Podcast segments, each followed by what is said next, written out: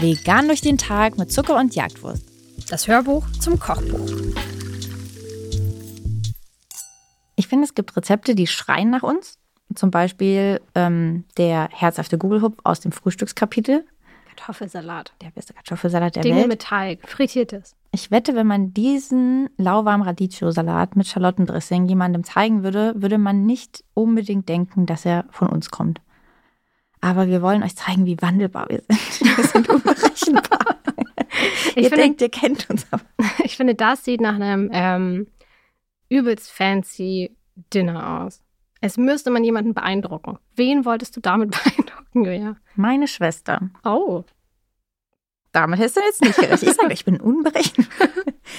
Tatsächlich ähm, hat meine Schwester diesen Salat mit mir sehr oft gegessen, bis er denn so war, wie er war.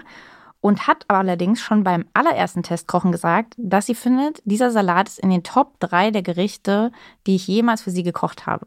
Und ich habe viele Sachen für sie gekocht. Ähm, es ist aber, und das sehe ich völlig ein, ein absolutes Liebhaberrezept. Es sind ungefähr nur Zutaten drin, die die meisten Leute gar nicht mögen.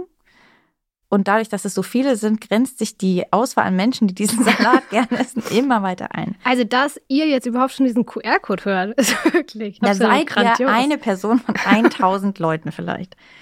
Mögt ihr Radicchio? Dann kommt ihr eine Runde weiter. Mögen viele nicht, weil er sehr bitter ist. Kommen wir gleich noch dazu.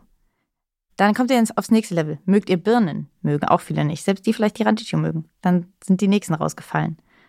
Weiter geht's mit Oliven. Mögen auch nicht viele Leute. Obwohl, Oliven sind vielleicht noch mehr, aber es fallen wieder welche Leute raus.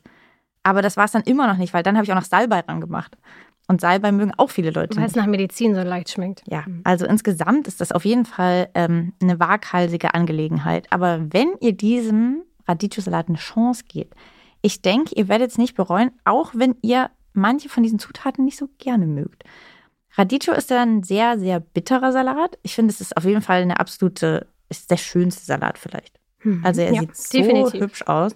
Aber ja, er ist nun mal leider bitter. Die Bitterstoffe stecken viel im Strunk. Das heißt, wir brauchen den Strunk jetzt leider in diesem Rezept, weil wir den ganzen Radicchio-Salat anbraten. Auch das nimmt ihm aber übrigens ein bisschen was von der bitteren Note. Das heißt, den Strunk können wir jetzt per se nicht rausschneiden, aber ihr könnt natürlich beim Essen versuchen, dass ihr jetzt nicht ganz so viel von dem esst. Dadurch wird er schon mal weniger bitter. Außerdem ist das Schalottendressing, was wir machen, durch das Mandelmus und auch so generell in der Zusammensetzung, das ist so, ein, so leicht säuerlich-süßlich durch auch diesen Balsamico-Essig, durch den Senf. Das heißt, auch das ist so ein bisschen so ein Counter-Geschmack, der hoffentlich euch sagt, der Radicchio ist gar nicht so bitter. Die Birnen zum Beispiel sind tendenziell natürlich süßlicher. Also ich habe schon versucht, dass das alles so ein bisschen ausgeglichen wird. Aber na, wie gesagt, ich verstehe auf jeden Fall, wenn das jetzt nicht unbedingt das Rezept ist, was ähm, den Mainstream erreicht. Verstehe ich, aber ich würde hoffen und denken, die Leute, die das mögen, die mögen den dafür richtig, richtig gern. Und auch hier hast du wieder ein Teelöffel weißes Mandelmus ins Dressing geschmuggelt.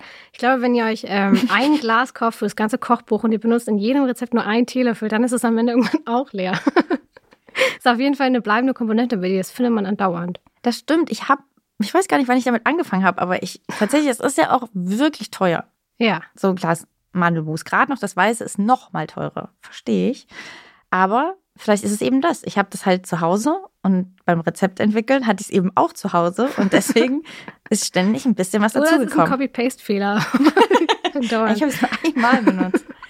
Es ist wirklich, ich finde es ähm, sehr, sehr angenehm in Dressings. Es gibt eine, eine tolle Note, aber es ist natürlich an sich optional. Natürlich könnt ihr das auch weglassen. Aber es, ich finde, es, es macht alles ein bisschen stimmiger. Es ist wie so ein, das eine cremige Bett, auf dem sich dann alle gemütlich machen. Aber man kann natürlich auch auf dem Lattenrost schlafen. Funktioniert auch. Na klasse, dann ähm, ist das hier wohl die fancy Vorspeise ähm, für euer nächstes Dinner. Auf jeden Fall. Bitte probiert den mal aus. Bitte. Bitte. Wirklich. Gebt Boah, ihm eine Chance. bettelst du schon richtig. Da wärst du doch so lecker. Brauchst du nicht betteln. Na gut, gebt Radicchio eine Chance auf jeden Fall. Er wird sich erkenntlich zeigen.